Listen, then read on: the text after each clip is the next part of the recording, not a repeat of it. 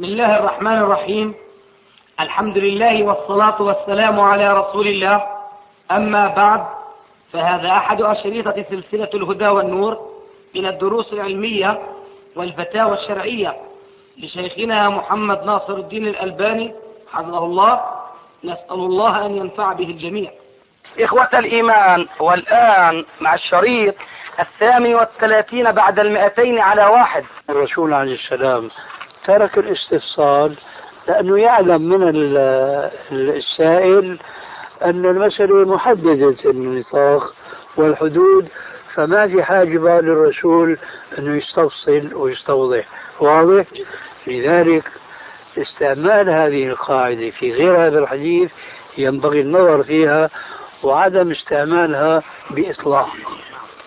أما هنا فلا ترد إطلاقا كما ذكرناه آنفا. بعد هذا يأتي شيء آخر. هذا المحجوج عنه يمكن أن يكون أبا كأبي الخثعمية حينئذ ما في حجة في الحديث. هذا ثانيا. ثالثا يمكن أن يكون عن موس أوصى. الحاج هذا الذي كان يلبي عن شبرمة بأن يحج عنه.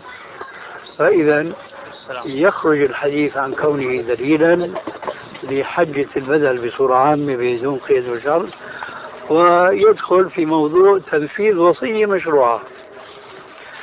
كنت أقول هكذا.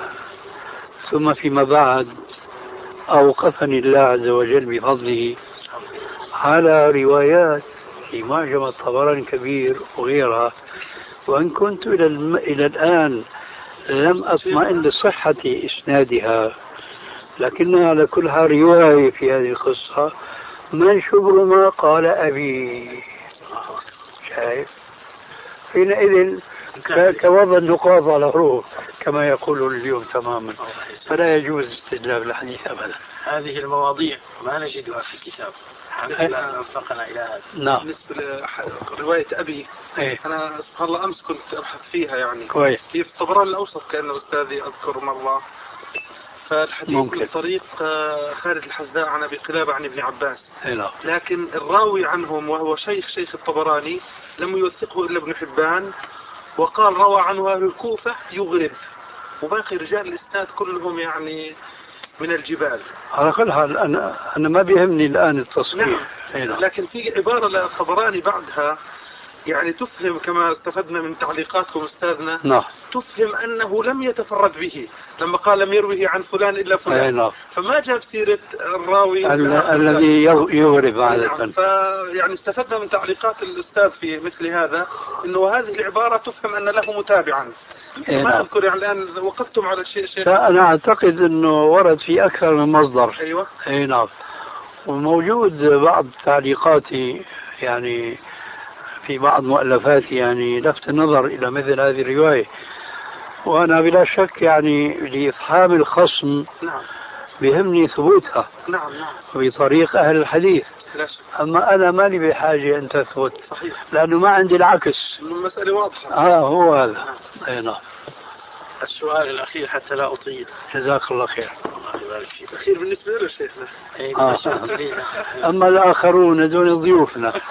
أي الضيف أفلس ما عاد عنده شيء عندك وعد أما أخونا هنا الظاهر إنه م- مكتفي يعني. تفضل.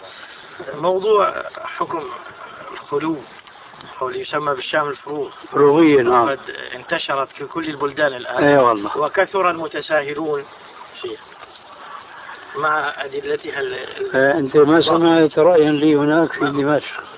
أنا ما ذهبت دمشق. سب- لا سب- زمانا بعيدا ما سمعت. لما. كنت هناك. ما سمعت. مم. أنا رأيي يا أخي في الموضوع آه، التفصيل. اولا الفروغيه يجب أن يتحقق المعنى. لأنه هنا هذا المصدر بمعنى الإفراغ. وأنت بتعرف انه عقارات ودكاكين تبنى اليوم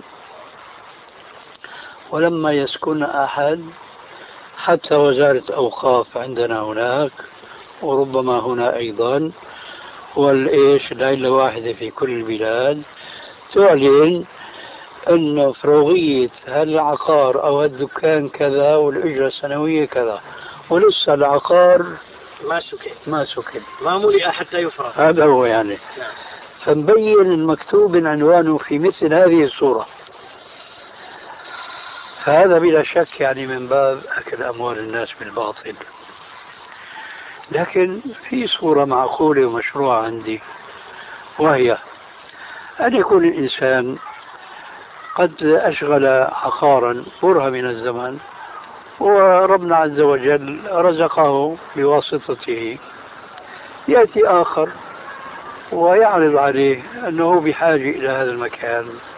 فلو بتفرغ لي إياه وبتسلمني إياه بيقول له يا أخي أنا عايش ومتسبب فيه وإلى آخره بيقول أنا عارف ولذلك راح أعطيك شيء يرضيك فيتفقان على شيء.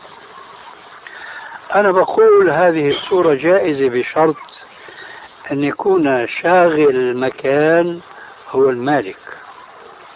لأنه له حق التصرف فيه كما يريد في حدود طبعا الشريعة وهنا الغرم بالغنم. فهذا الرجل راح يفرغ له هذا المكان بين ما يدبر له مكان ثاني والى آخره حياخذ زمن فهو بياخذ إيش؟ تعويض لما قد يصيبه من ضرر. هذه صورة من الفروغية واضحة المعالم فهي جائزة في الشرف ما أصلا شيخ المالك تقصد مالك أم مستأجر بالباطل؟ لا ما أقصد المستأجر مالك العقار الآن تأتي هذه الصورة الأخرى يكون هناك رجل مستأجر نعم. دارا أو عقارا أو دكانا أو أي شيء آخر. ويأتي آخر يريد أن يخلي هذا العقار. ويتفقان على الإخلاء. لكني أقول هذا الإخلاء لا يجوز ولا ينفذ إلا برضا مالك العقار. أي مالك العقار رضي بهذا المستأجر. قد لا يرضى بهذا المستأجر الثاني لسبب أو آخر. فإذا رضي به مالك العقار الأصيل واتفق الاثنان حل الثاني محل الأول أيضا جاز وهل يقع اليوم خلاف هذا كله. ولذلك فهذا في الغالب من باب أكل أموال الناس بالباطل. خلاص سؤالك. جزاكم الله جزاك الله خير. القضية هذه نعاني منها يا شيخ يعني ابتداء لا يجوز قضية الخلو.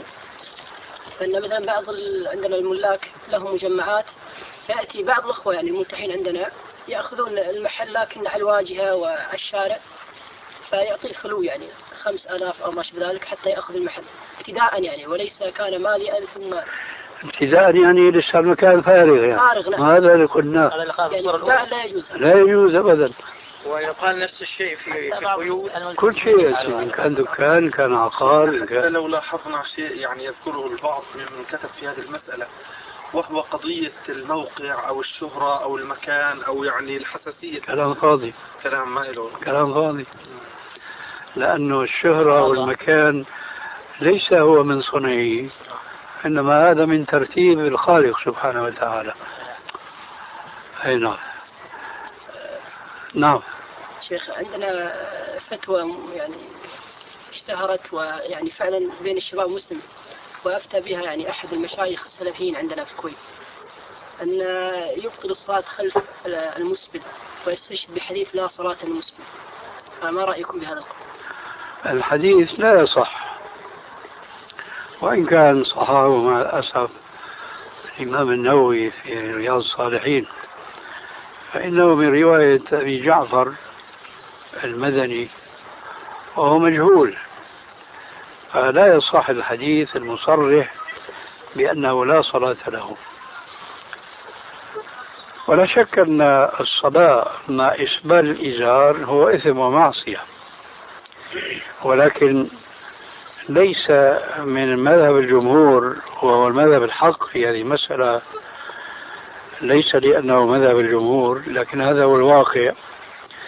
أنه لا تبطل صلاة المصلي إذا ما ارتكب إثما وخالف شرعا وهو في الصلاة. خلافا لمذهب أهل الظاهر الذين يبطلون صلاة كل مصل يصلي وقد عصى ربه في صلاته. ويدخل في مثل هذه المسألة مذهب الحنابلة الذي يقول بأن الصلاة في الأرض المغصوبة باطلة. أما المذهب الظاهري فهو أوسع بكثير حيث يقول من صلى في ثوب حرير فصلاته باطلة متختما بالذهب فصلاته باطلة. وهكذا. نحن نقول هذه الأمور محرمة داخل الصلاة وخارج الصلاة فليست محرمة لخصوص الصلاة حتى تبطل الصلاة بسببها.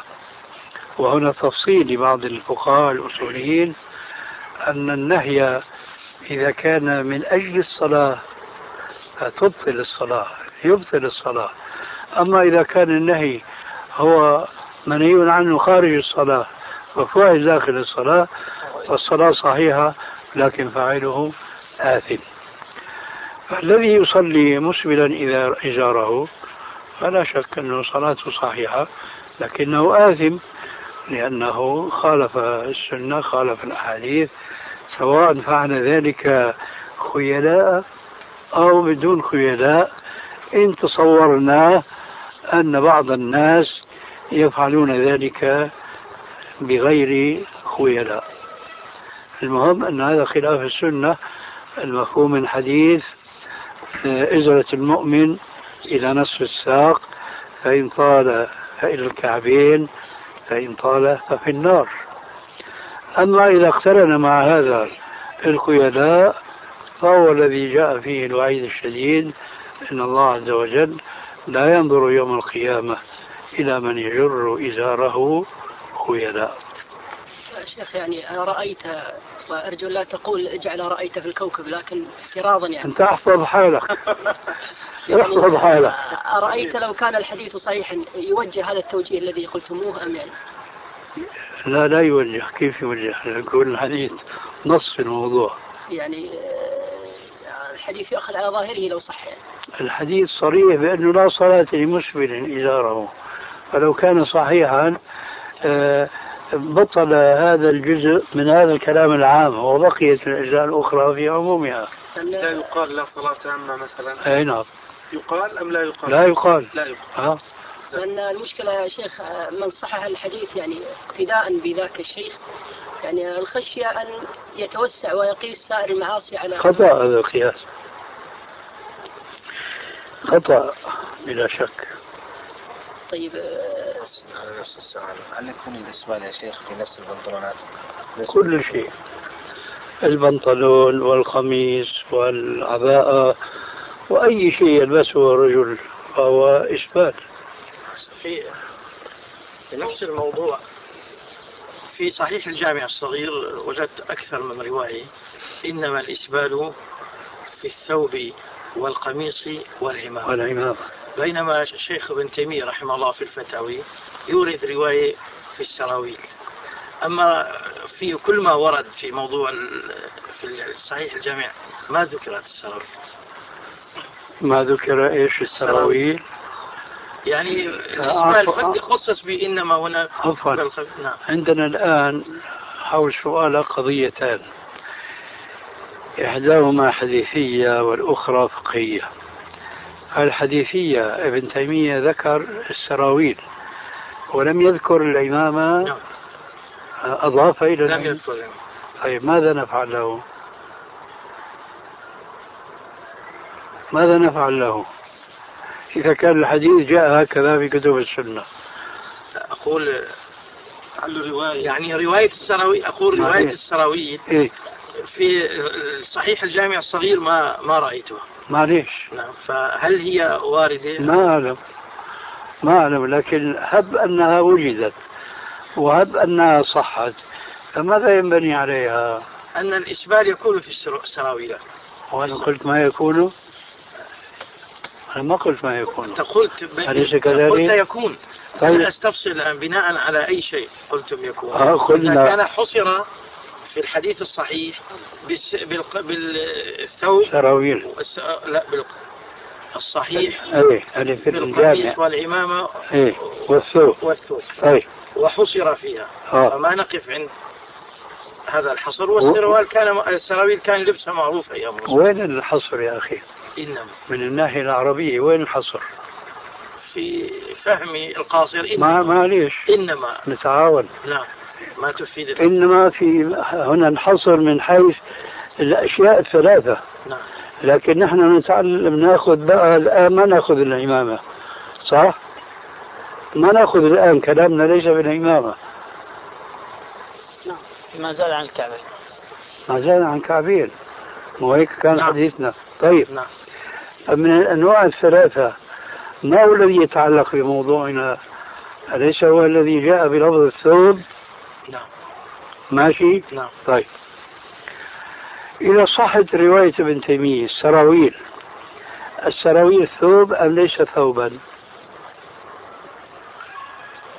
تحتاج إلى معرفة مفهوم الثوب لغة كويس.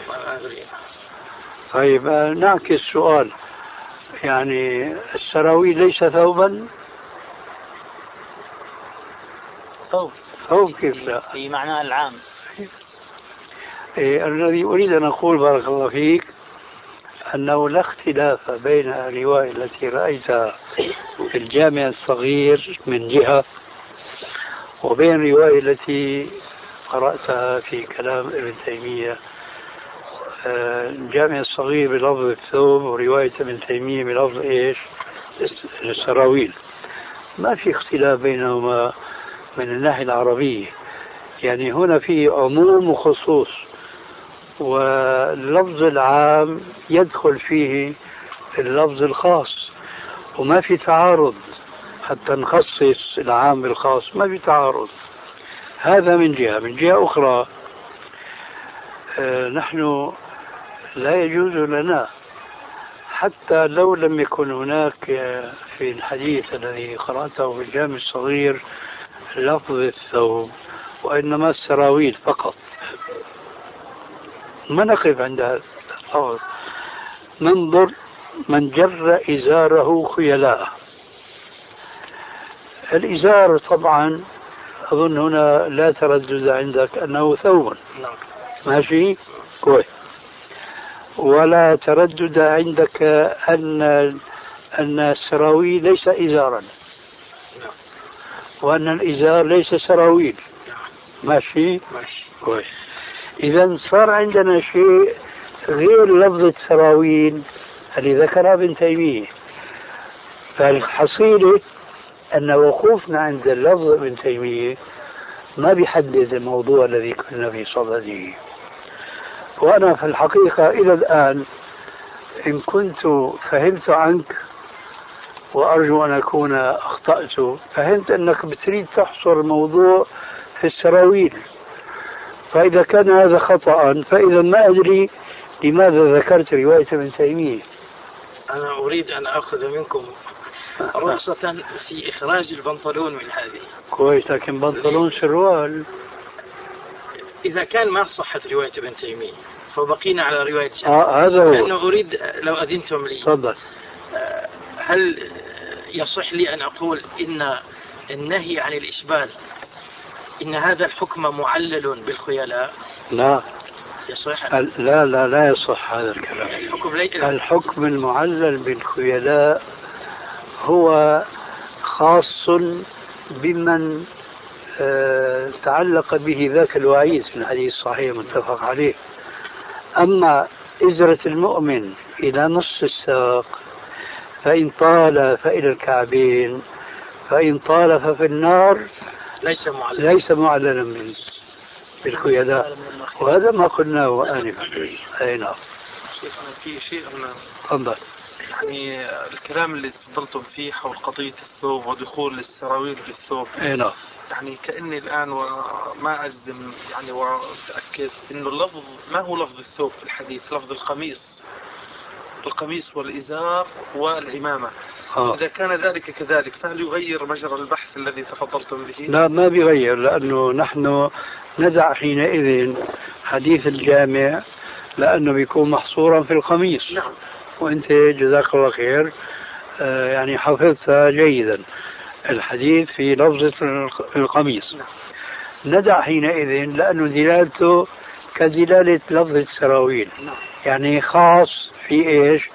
في. نوع من الثياب نعم. وهو القميص آه لكن بيجي الجواب نفسه اللي وجهناه للأخ بالنظر إلى رواية ابن تيمية تبع السراويل في عندنا مبدأ يعني هنا يا أستاذ في هذا رد على الغزالي وامثاله من المعاصرين الذين يعتبرون التمسك في هذه السنة أن هذا تشويه للدعوة وينكر على إخواننا الكويتيين وغيرهم الذين يذهبون بأزيائهم الإسلامية إلى أمريكا وكيف هؤلاء يدعون الإسلام بأزياء تنفر منها قلوب الكفار؟ سبحان ربي كيف إنسان يعتبر نفسه داعية وبريد الداعي ينسجم مع الكفار مع عاداتهم وتقاليدهم وما يحاول هو يطور هؤلاء الكفار إلى تقاليد المسلمين. فينقم عليهم هذا ويقول هذا تنفير وإلى آخره. وبيحصر الموضوع في الخيلاء. ويتناسى هنا الشادي بكلام آتي. يتناسى قوله عليه السلام كمنهج لحياة المسلم في في ثوبه. إجرة المؤمن إلى نصف الساق. فإن طال فإلى الكعبين. فإن طال ففي النار. هو يتجاهل هذا الشيء ولا يقيم له وزنا كما هو شأنه في كثير من الأحاديث الصحيحة الأخرى ونسأل الله أن يهدينا وإياه. فنحن بهذا نجيب عن لفظة القميص. هذا نص عام يدخل فيه القميص يدخل فيه العباءة اللي تجر عادة جرا كما هو شأن النساء اللي بيجروا ثيابهم.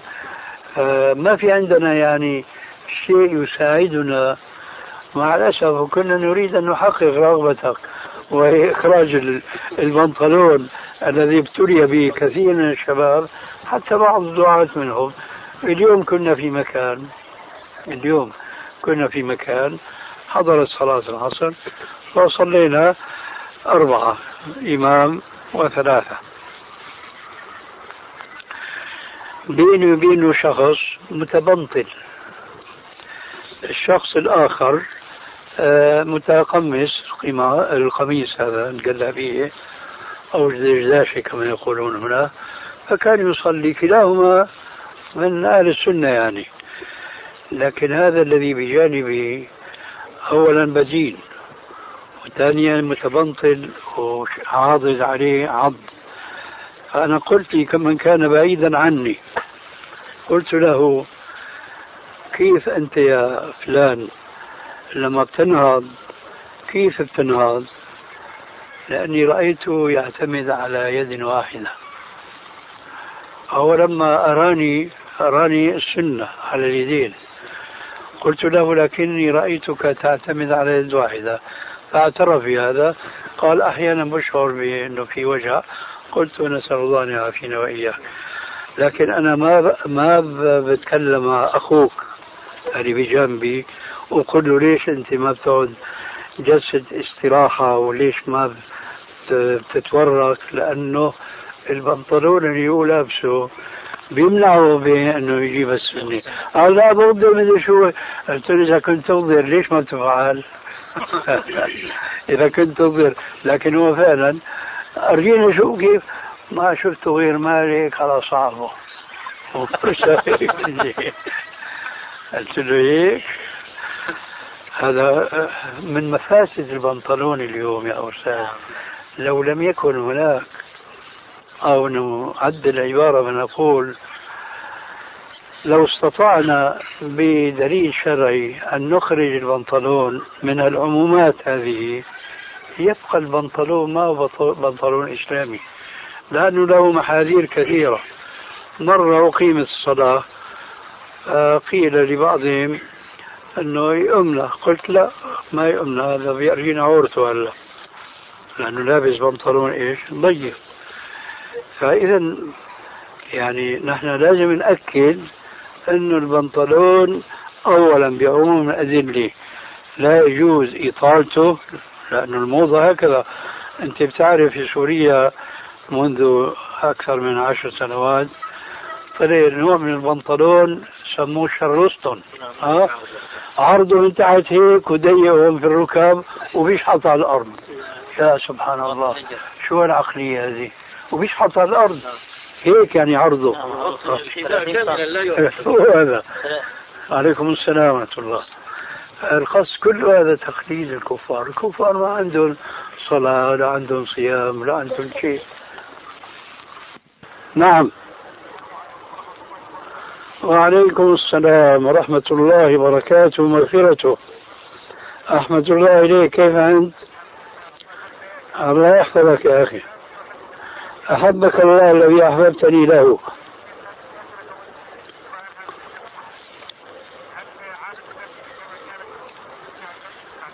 هو كذلك. أحسن الله حمدك. الله يحفظك.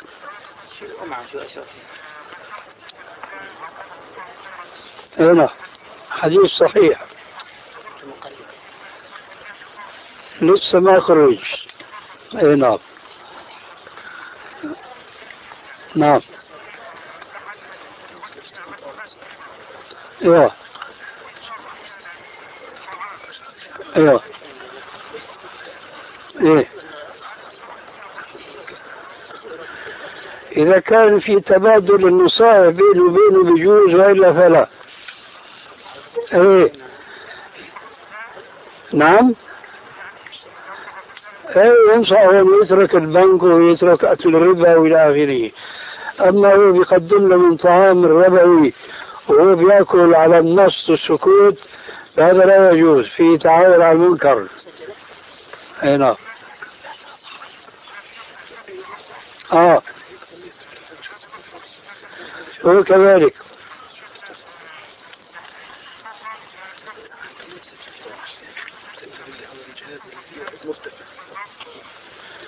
في بعض الأحاديث ما بين السر والركبة عورة. أي نعم. أي نعم. كيف؟ آه في إن لم تخني ذاكرتي موجود في الترغيب وترهيب في كتاب الصلاة.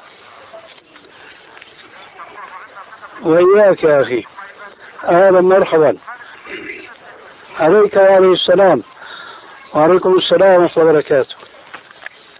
بالنسبة يا شيخ لذكر الغزالي هل قرأت أو هل اطلعت على كتاب أحد الأخوة حوار هادئ مع الغزالي؟ أي نعم. هو هادي أكثر من اللازم. نعم. هو ذكر في المقدمة أنه حوار هادئ سيكون. أي نعم لكن ما بكفي لهالدرجة هذه لأنه ما بيبقى له تأثير في القلب يعني. يعني إيه لكن وكان هادئ مع أعداء أهل السنة. يعني يعني كان بإمكانه أن يكون هادئ مع غيره. لكن الخبث منعه أن يكون في معرض الحديث عن الغزالي وإن كان السؤال قد يكون قاسي أو شديد. يعني يختلف بعض الناس الآن. أن الغزالي الآن ثبت بما لا يقبل الشك رده, رده لأحاديث صحيحة. ولا يردها بدعوى أنها لم تثبت عنده. ما قال في صحتها شيء لكن رد الأخذ به. يعني ما أدري. هل يمكن أن يقال قد يخرجه هذا من الملة؟ لا. إلا بشرط. أنت أظن تعلم أن الكفر الذي يخرج من الملة له علاقة بالقلب. وليس بالعمل. ومن الخطأ السائد في أذهان كثير من أهل العلم فضلا عن طلاب العلم أن الذي ينكر حديث التواتر فهو كفر. أما الذي ينكر الحديث الآحاد فهو فسق. أنا أقول هذا خطأ.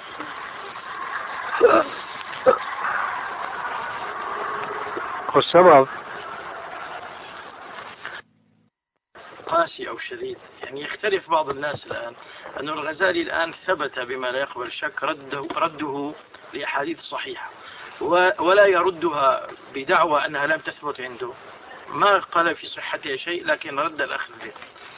يعني ما أدري هل يمكن أن يقال قد يخرجه هذا من الملة؟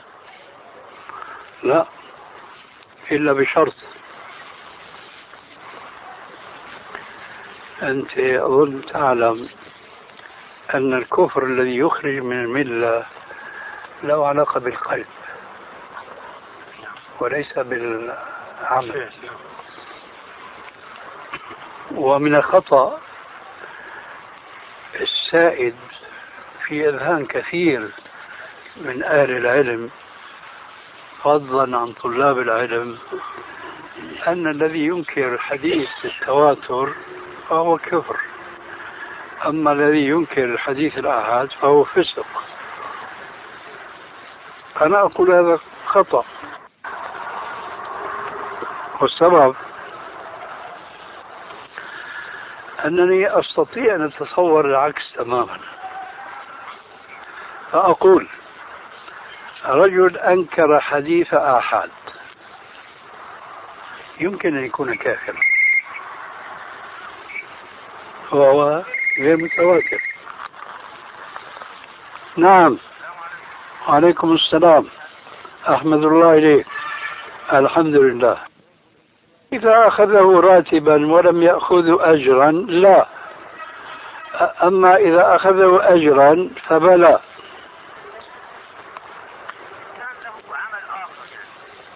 وإن التفصيل هذا لابد منه. وفيك بارك. أهلين السلام عليكم. هذا الذي أنكر حديث الآحاد وأريد أن ألفت النظر أن حديث الآحاد في اصطلاح العلماء لا يعني المعنى اللغوي يعني رواه فرد لا. ما دون التواتر. هذا هو. فهذا الحديث حد التواتر كم يا شيخ؟ احفظ سؤالك لأن هذا له بحث خاص. فحديث ما؟ أحد. أنكره منكر ما؟ فإذا كان يعتقد في قرارة قلبه أن هذا الحديث نطق به الرسول عليه السلام فقد كفر وخرج من الدين كما تخرج الشعر من العجين. برد العمل به. لا ما لش علاقة القضية برد العمل. لمجرد أنه اعترف بقلبه أن الرسول قال هذا ثم هو أنكره. هذا اللي يقول يعني أنكره ورد العمل به. قد يكون ليس له علاقة بالعمل. يعني يقر ولا يعمل به. وارد هذا الحال. يا أخي قضية العمل به بيدخل في حديث الأحكام. نعم. أما المسألة نعم. نعم. أوسع من ذلك. اتضح آه. وبالعكس. قد أتصور إنسانا ينكر حديثا متواترا ولا يكفر. يقول شيخ. نعم. وعليكم السلام ورحمة الله وبركاته. إن شاء الله. آه. إيه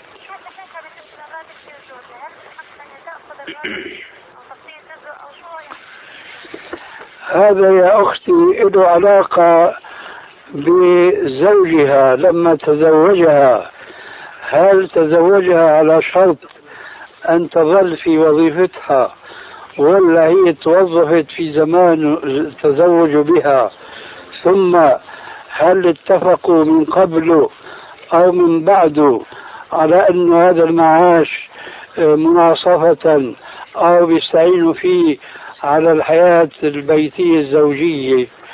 فإذا كان في شيء من هذا الاتفاق ينفذ وإن كان لا يوجد شيء من هذا فليس للزوج حق في أن يشارك زوجته في معاشها فهمتيني؟ شو فهمتي؟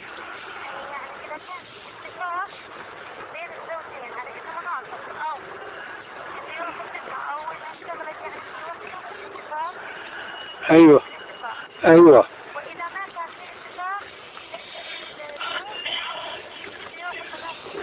أحسنتي. أي نعم.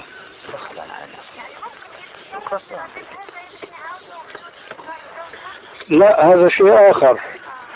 نحن كان جوابنا أنه ليس للزوج حق في هذا المال. أما الآن سؤالك فسؤال ثاني هذا.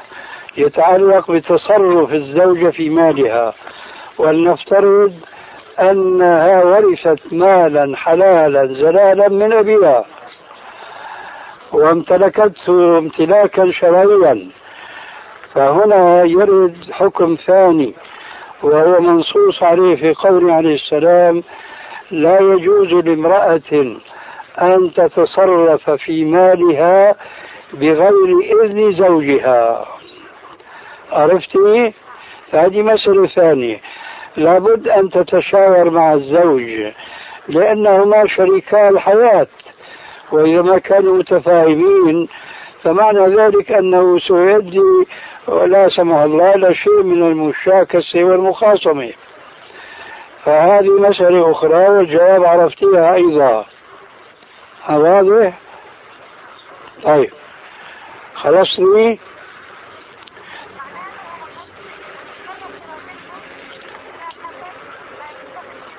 أيوه أيوه. أي نعم يعني مثلا هي لو فرضنا أرادت بمالها أن تشتري دارا. قال لها الزوج لا الآن الوضع الاقتصادي منهار وما أدري إيه ابدى راي فلا يجوز أن تخالفه. أو أرادت أن تشتري ثوبا أو أو غير ذلك. أو أو إلى آخره. أو تهدي. أو تتصدق صدقة نافلة. إلا بإذنه. أما الفريضة فلا تسأل عنه. ونحن عم نحكي عن راتبها وعن مالها الخاص يا أختي. أي نعم. وفي بارك والسلام عليكم.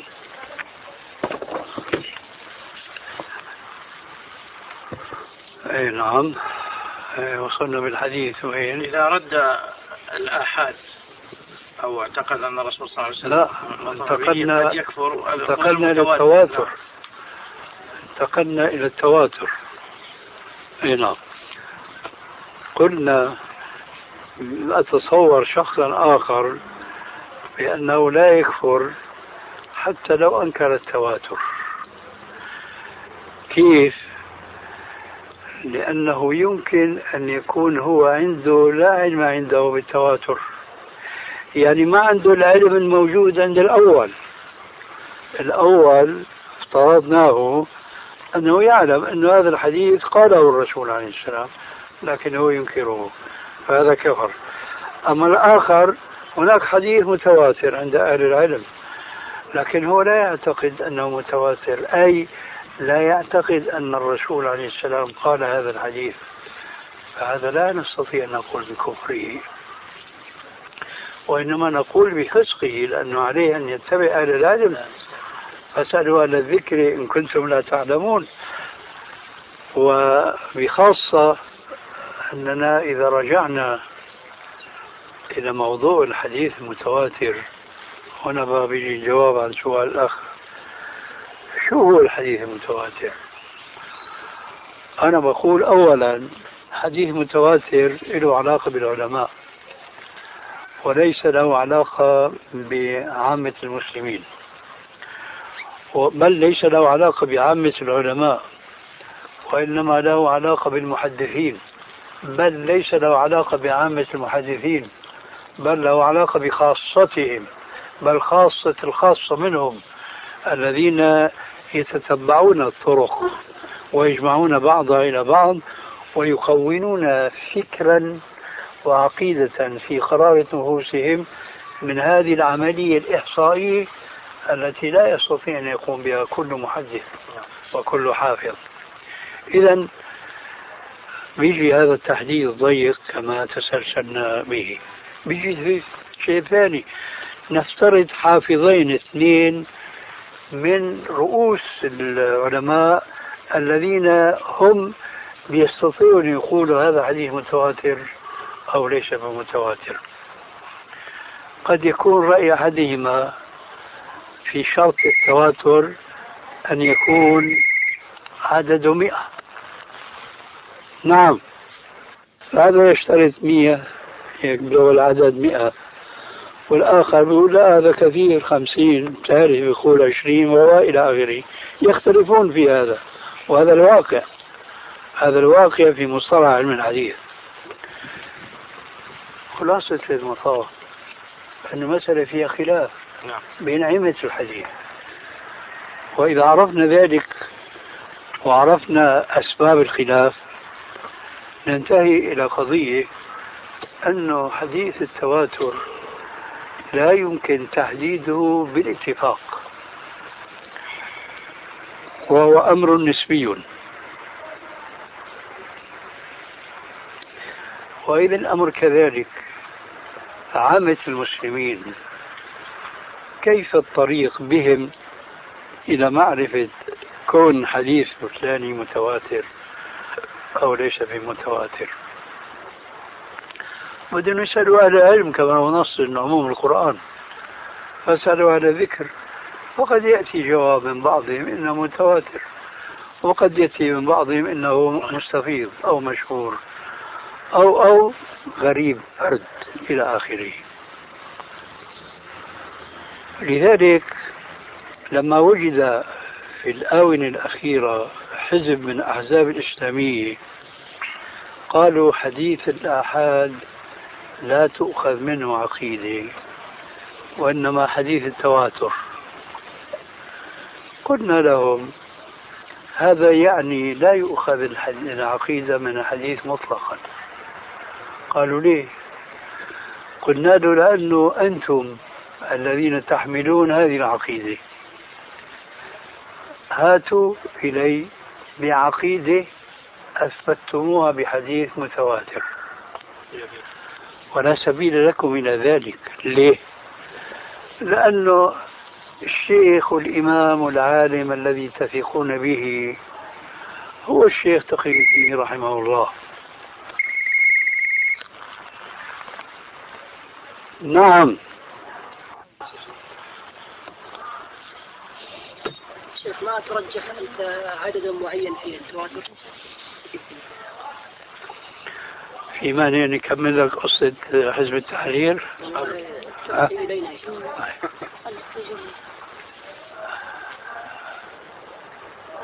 آه. تقي الدين نعم.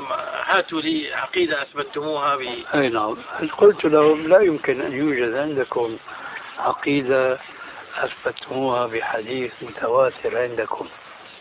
قالوا لي قلت أولا الواقع فإنكم عاجزون عن أن تقدموا ما أطلب. لكننا إذا قلنا لكم إيش موقفكم بالنسبة لأحاديث عذاب القبر؟ بتقول هذه أحاديث أحد ولا يجوز الإيمان بها. إلى آخره. ثانيا وهذا هو المهم أنه حديث التواتر قضية نسبية. شرحت لهم هذه القضية شرحا بالغا. وقلت لهم الشيخ تقي الدين النباني هو العالم الفاضل الجليل عندكم والذي جمع العلوم كلها.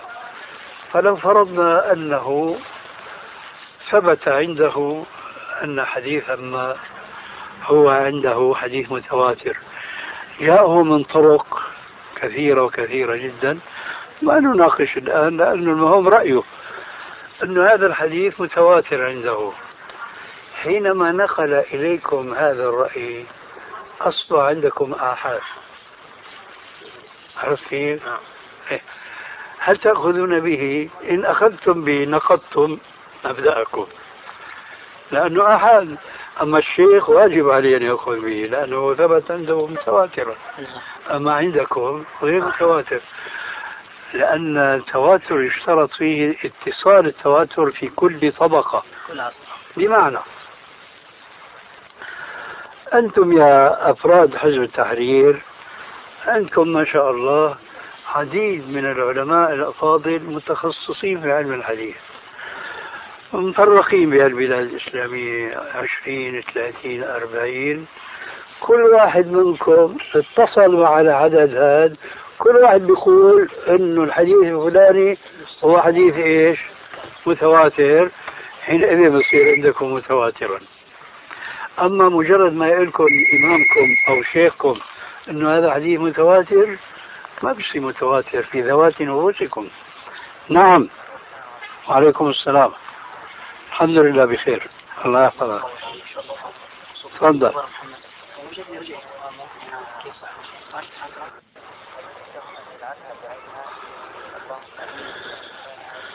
يجوز إذا كان لا يترتب من وراء ذلك مفسدة كبرى.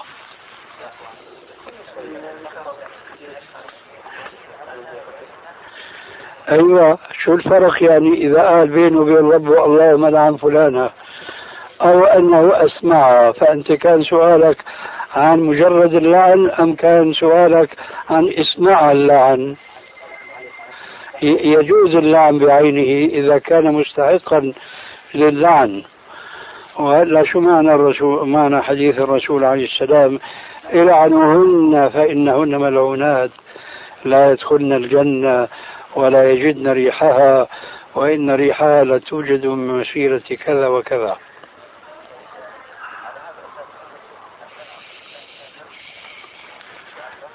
ولم لا؟ إيه. إذا لم يترتب وراء ذلك مفسدة. أي نعم. يجوز. كله.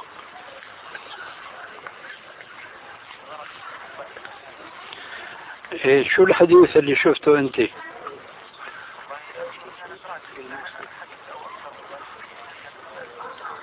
مثلا الحمرة زينة الشيطان. هذا الحديث إن كنت تعني هذا فهو ضعيف وإن كنت تعني غيره فهاته حتى تستحضره نودعك ونقول السلام عليكم.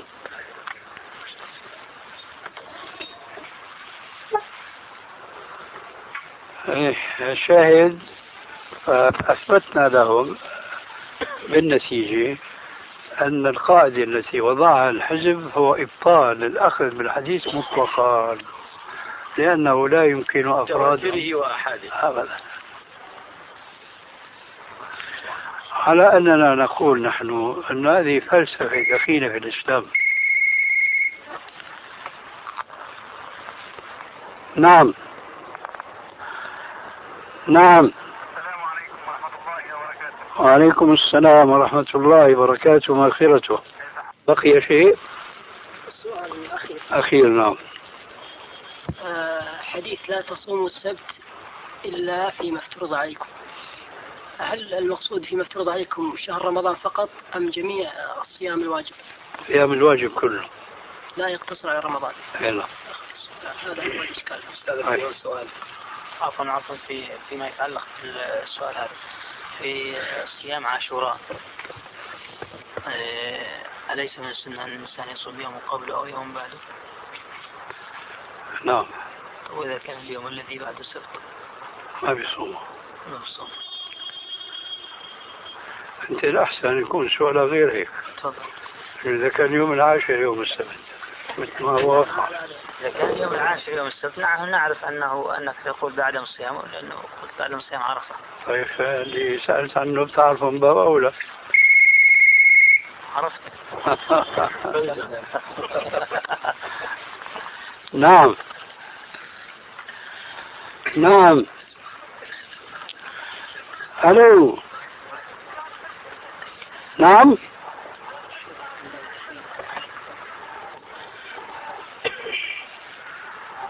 ما أجبتني ما أجبتني آه. ماذا يقول الأطباء ماذا يفعل. الأطباء ماذا يقولون له. لك يا أخي ماذا يقولون له؟ كيف يأتيهم بالمنوي؟ كيف يأتيهم؟ ناس أمر عجيب. يحكي من السعودية أو لا يعرف يجيب. بيقول أن الطبيب طلب منه الماء المنوي. كيف يأتيهم به؟ قلت له هذا سأل الطبيب كيف يأتيهم به. أنت عم تسأل يجوز ولا لا يجوز؟ اسأل الطبيب كيف يأتيهم؟ بعد ذلك أنا مقلق يعني أنا لو قلت له مثلا جامع زوجته يمكن يقول الطبيب هذا ما بي ما بيحصل مراد يمكن يقول مثلا آه، يتعاطى العادة السرية. يمكن يمكن ما بيجاوب. طيب نكتفي نحن بهذا القدر. في هذا السؤال. احفظ سؤالك لغير اليوم.